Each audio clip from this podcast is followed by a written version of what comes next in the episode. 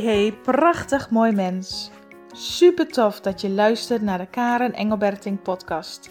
De podcast waarin ik heel graag waardevolle tips en inzichten met jou deel om je te inspireren jezelf volledig te gaan omarmen.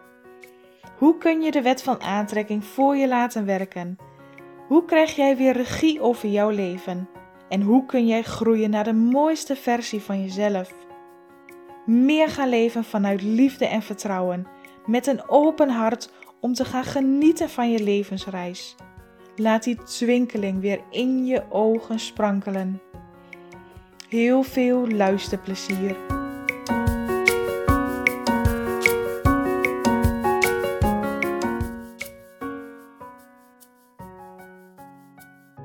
Een hele goede morgen, of middag of avond, wanneer je dit ook luistert. Super fijn dat je er weer bij bent. En vandaag wil ik het met je hebben over je neemt jezelf overal mee naartoe. En misschien denk je wel, ja, de, overal waar ik naartoe ga, hè, ik neem mezelf mee, mijn lichaam mee. Dat klopt, je neemt je lichaam mee, maar ook je gedachten, ook je overtuigingen, ook jouw energie, ook jouw lading, wat jij allemaal met je meedraagt. Heel vaak proberen we aan de buitenkant de situatie te veranderen. Bijvoorbeeld, we voelen ons niet meer fijn op het werk. We voelen ons niet meer fijn in de baan die we hebben. En we proberen een andere baan te vinden. Of we zijn op zoek naar iets anders. En om even in het voorbeeld van de baan te blijven, als je dan een andere baan hebt gevonden, dan lijkt dat in eerste instantie een goede keus. Dan lijkt dat in eerste instantie, wauw, hier is het fijn en anders en leuker. Maar dan merk je naar een poosje, en dat kan soms weken zijn, maanden zijn, dat je weer langzaam terugvalt in de oude patronen. Dat erzelfde bepaalde problemen weer terugkeren. En voor je het weet, heb je weer dezelfde gevoelens, dezelfde ervaringen die je bij je vorige baan ook had. En dit kun je natuurlijk heel breed trekken, ook in je liefdesleven of ook in situaties thuis of in je gezondheid of met sporten. Je kunt het op elk vlak betrekken. Elke keer wanneer je denkt, dit voelt niet goed, ik ga wat anders doen. En na een poosje merk je alsnog dat het niet dat fijne, vervullende gevoel geeft. Heel vaak wel voor even. Maar daarna zakt dat blije, vreugdevolle, vrije gevoel weer af. En dat bedoel ik met je neemt jezelf overal mee naartoe. Als we de buitenkant proberen te veranderen en niet iets naar de binnenkant kijken of daarin veranderen, neem je alsnog jouw gedachten, neem je alsnog je overtuigingen mee. En dan ga ik nog een stapje dieper om het nog duidelijker te maken. En misschien begrijp je het al wel en dat is hartstikke fijn. Maar mocht je het nog niet begrijpen, dan wil ik nog een stapje dieper. Stel dat jij de overtuiging hebt dat jij niet goed genoeg bent en altijd je best moet doen. Dan laat je dat ook zien in je werk dan laat je dat ook zien in je gezinssituatie. Dan laat je dat ook zien in je gezondheid, in je relatie, op welk vlak dan ook, omdat die overtuiging in jou leeft. En als jij met die overtuiging, even weer terug bij dat voorbeeld van je werk, bij je baan bent, en je voelt dat je collega's jou niet waarderen en je voelt dat het stroef loopt op je werk en dat je niet de respons krijgt en de vervulling krijgt die je zo graag wenst, en je gaat met die overtuiging dat je niet goed genoeg bent en altijd beter je best moet doen naar een andere baan, dan neem je jezelf en die overtuigingen mee. Dan zijn uiterlijke omstandigheden eventjes anders, wat voor je hoofd, jouw ego heel fijn klinkt. Van zie je, ik heb een andere keuze gemaakt. Zie je, er is een nieuwe situatie. Hier kan ik vrij zijn. Maar je neemt alsnog die overtuiging mee. En vanuit die overtuiging kijk jij naar de wereld. Vanuit die overtuiging kijk jij naar je de mensen om je heen. Vanuit die overtuiging handel jij. En dus zul je merken dat je ook steeds weer bepaalde patronen terugziet. En heel vaak zien we dit bij andere mensen wel. Voor jezelf iets zien in een bepaald patroon is dat soms wat lastiger, omdat je voor jezelf een blinde vlek hebt. Maar bij anderen zie je het vaak wel. Als je anderen ziet veranderen van baan, en als je anderen hoort klagen of mopperen over bepaalde onderwerpen en ze komen met een verhaal, oh ik heb iets nieuws gedaan En na een poosje hoor je ze weer zeggen: Oh, het is toch niet wat ik had gehoopt, het is toch niet wat ik had gedacht. Want daar zijn ook mensen, collega's die op die manier reageren. En ze vallen weer in hetzelfde schuitje. Je kent vast wel iemand in je omgeving, omdat het bij een ander vaak makkelijker te herkennen is of te zien is. Als je dat concept begrijpt, dan weet je ook dat het op zich niet heel veel zin heeft om aan de buitenkant iets te willen veranderen. En het kan natuurlijk wel, het ligt er heel erg aan vanuit welke intentie je dat doet. En daar wordt het voor sommige mensen lastig. Omdat wij vaak het idee hebben, hé, hey, ergens stroopt er iets niet. Ergens loopt het niet fijn. Het voelt niet fijn, dus ik ga iets veranderen. Dus je doet het vanuit, ik vind dit gevoel niet fijn en ik wil van dit gevoel af.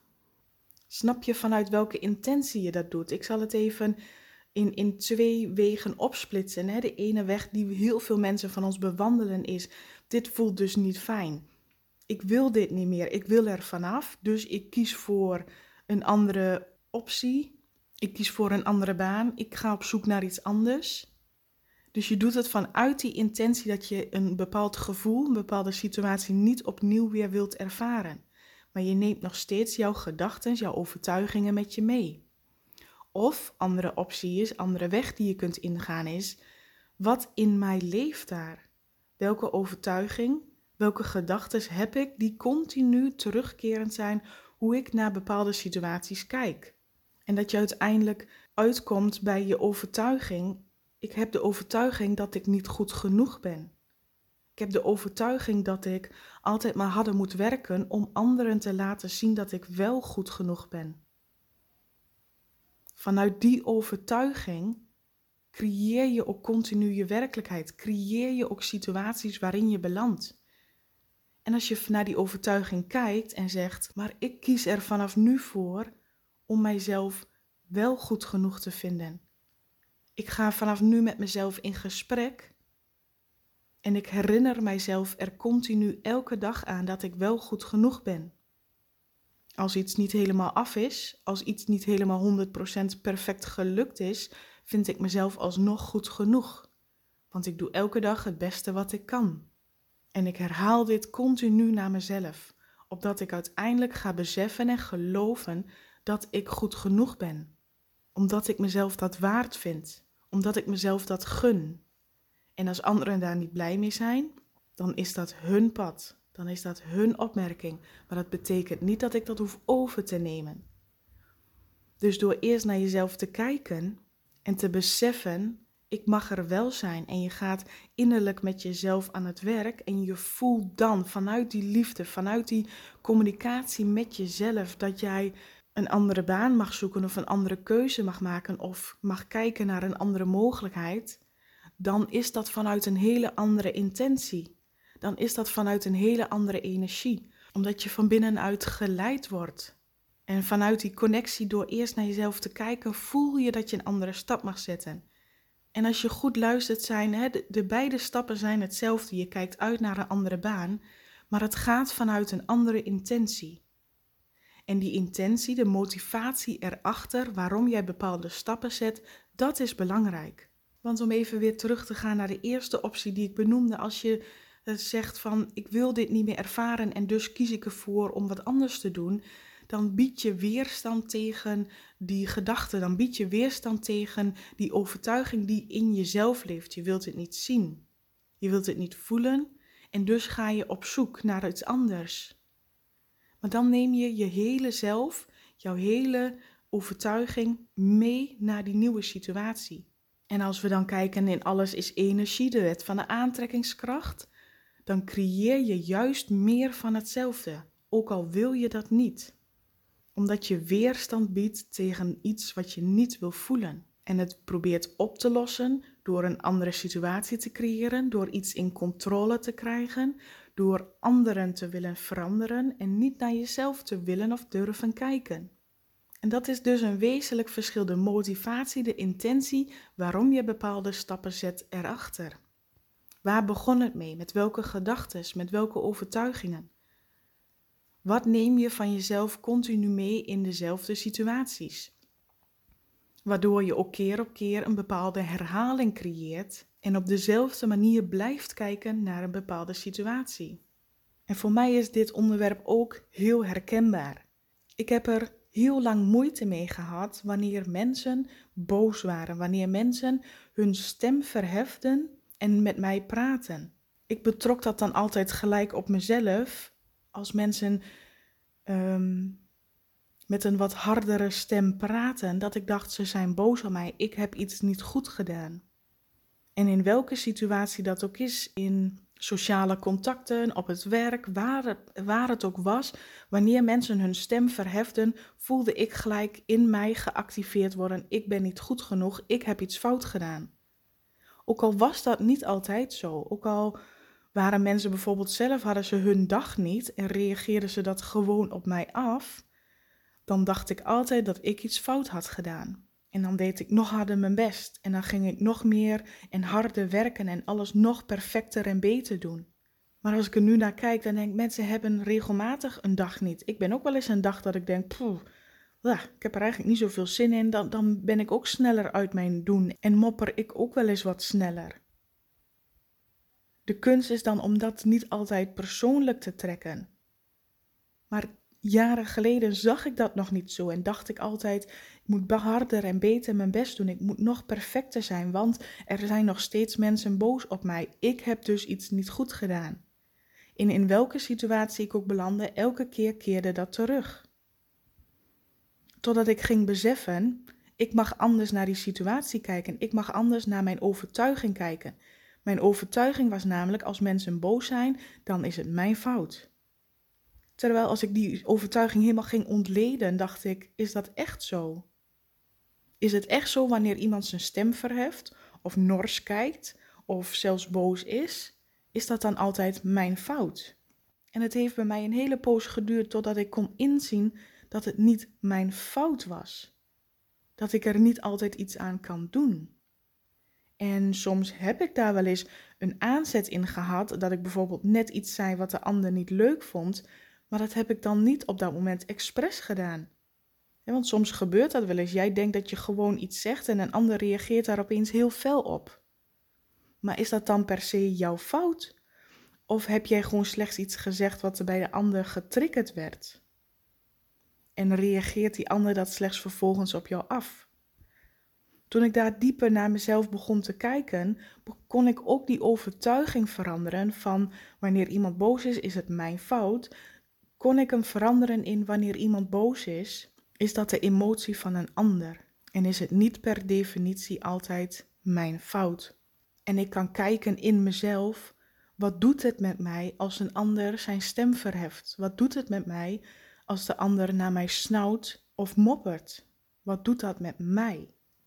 Dat gevoel van een bepaalde afwijzing, dat gevoel altijd maar op zoek te gaan. Wat heb ik dan fout gedaan? Wat had ik anders moeten doen? Soms kwam ik er ook gewoon echt niet achter, omdat er waarschijnlijk ook niets was. Je weet niet altijd wat de beweegredenen van een ander zijn. Je weet niet wat er in een ander zijn hoofd omgaat. Je weet niet wat de ander een paar uur of een dag ervoor heeft meegemaakt of mee zit of mee worstelt. En dat inzicht, die overtuiging die zo hardnekkig was, heb ik kunnen, ja, als het ware losweken en kunnen veromdraaien. Het is oké wanneer een ander boos is. Het is oké wanneer een ander moppert. Een ander mag best boos zijn. En ik kan dat zien zonder daar inmiddels iets van te vinden. Dus ik heb mijn innerlijke werk gedaan. Ik heb naar mijzelf gekeken. Ik heb gevoeld en geluisterd. Welke overtuiging draait daar keer op keer af wanneer ik in die situatie kwam? En met die overtuiging ben ik aan de slag gegaan. Inmiddels kunnen mensen nog steeds mopperen of nors kijken of hun stem verheffen. Maar ik voel niet meer de overtuiging die continu geactiveerd wordt dat ik niet goed genoeg ben. En inmiddels zeg ik ook wel eens tegen bepaalde mensen als ze mopperen of nors kijken: van goh, heb ik misschien iets verkeerds gezegd waardoor je dit doet?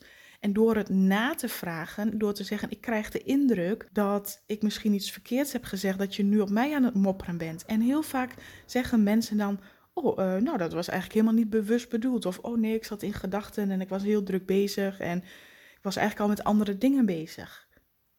Dus door het na te vragen, door te checken, klopt dit wat ik nu denk? Klopt het wat ik nu voel?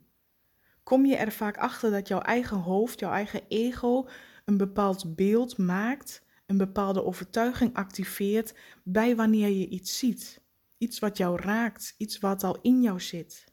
Het zijn mooie processen. Het, het is echt niet altijd makkelijk of leuk om daarnaar te kijken. Maar als je voor jezelf voelt, ik zit keer op keer in diezelfde situatie. Verander de situatie dan niet. Probeer niet meer controle uit te oefenen op anderen. Maar kijk in jezelf. Wat in jou leeft daar? Welke overtuiging? Welke CD staat op repeat bij een bepaalde situatie? Wat herhaal je naar jezelf? Wat geloof jij nog? Van waaruit kijk jij? Van welke overtuiging? Vanuit welk perspectief kijk jij naar een specifieke bepaalde situatie? Wat geloof je daarover? Dat is wat je in jezelf mag aankijken. Dat is wat je misschien mag uitschrijven of uittypen of Maak het voor jezelf helder, maak het voor jezelf inzichtelijk, zodat jij erachter komt welk patroon daar continu keer op keer zich herhaalt. En door daar bewust van te worden, door naar jezelf te kijken, door die overtuiging te veranderen, verandert het patroon, verandert de kijk naar de situatie, verandert de ervaring die je hebt bij een bepaalde situatie. Maar het begint bij jezelf. Want je neemt jezelf met jouw bagage, met jouw ervaringen, overal mee naartoe. Of je een ander huis koopt, andere baan zoekt, een andere partner vindt, je neemt jezelf overal mee naartoe. Inclusief je bagage. Als je dat voor jezelf helder hebt, dan weet je dat je jouw bagage mag veranderen en dat de situatie daardoor vanzelf verandert, omdat jij heel anders kijkt naar die situatie omdat je begint van binnenuit. De motivatie, de intentie erachter. Oké, dit is de boodschap die ik voor vandaag aan jou mee wilde geven. Ik hoop dat je hem pakt. Ik hoop dat je hem begrijpt. Ik hoop dat je stof hebt om over na te denken. En ik hoop dat jij de moed hebt om in jezelf te kijken. Wat in jou leeft daar en wat mag aangekeken worden. Vanuit liefde en compassie naar jezelf. Want nogmaals, je doet niets fout. Je mag slechts nog ergens bewust van worden, iets wat niet voor je werkt, veranderen naar iets wat wel voor je werkt. En zo simpel mag het zijn. Zonder de lading erbij te hoeven hebben van het moet allemaal goed gaan, ik moet alles goed doen. Jij bent goed genoeg precies zoals je bent. Kijk naar jezelf, kijk in jezelf. Begin altijd bij jezelf. En van daaruit, van binnenuit zet je stappen. Dan is de intentie en de motivatie erachter altijd vanuit liefde. En dat is ook wat ik voor jou wens. Voor nu wens ik jou een hele fijne, liefdevolle dag. En dank je wel voor het luisteren.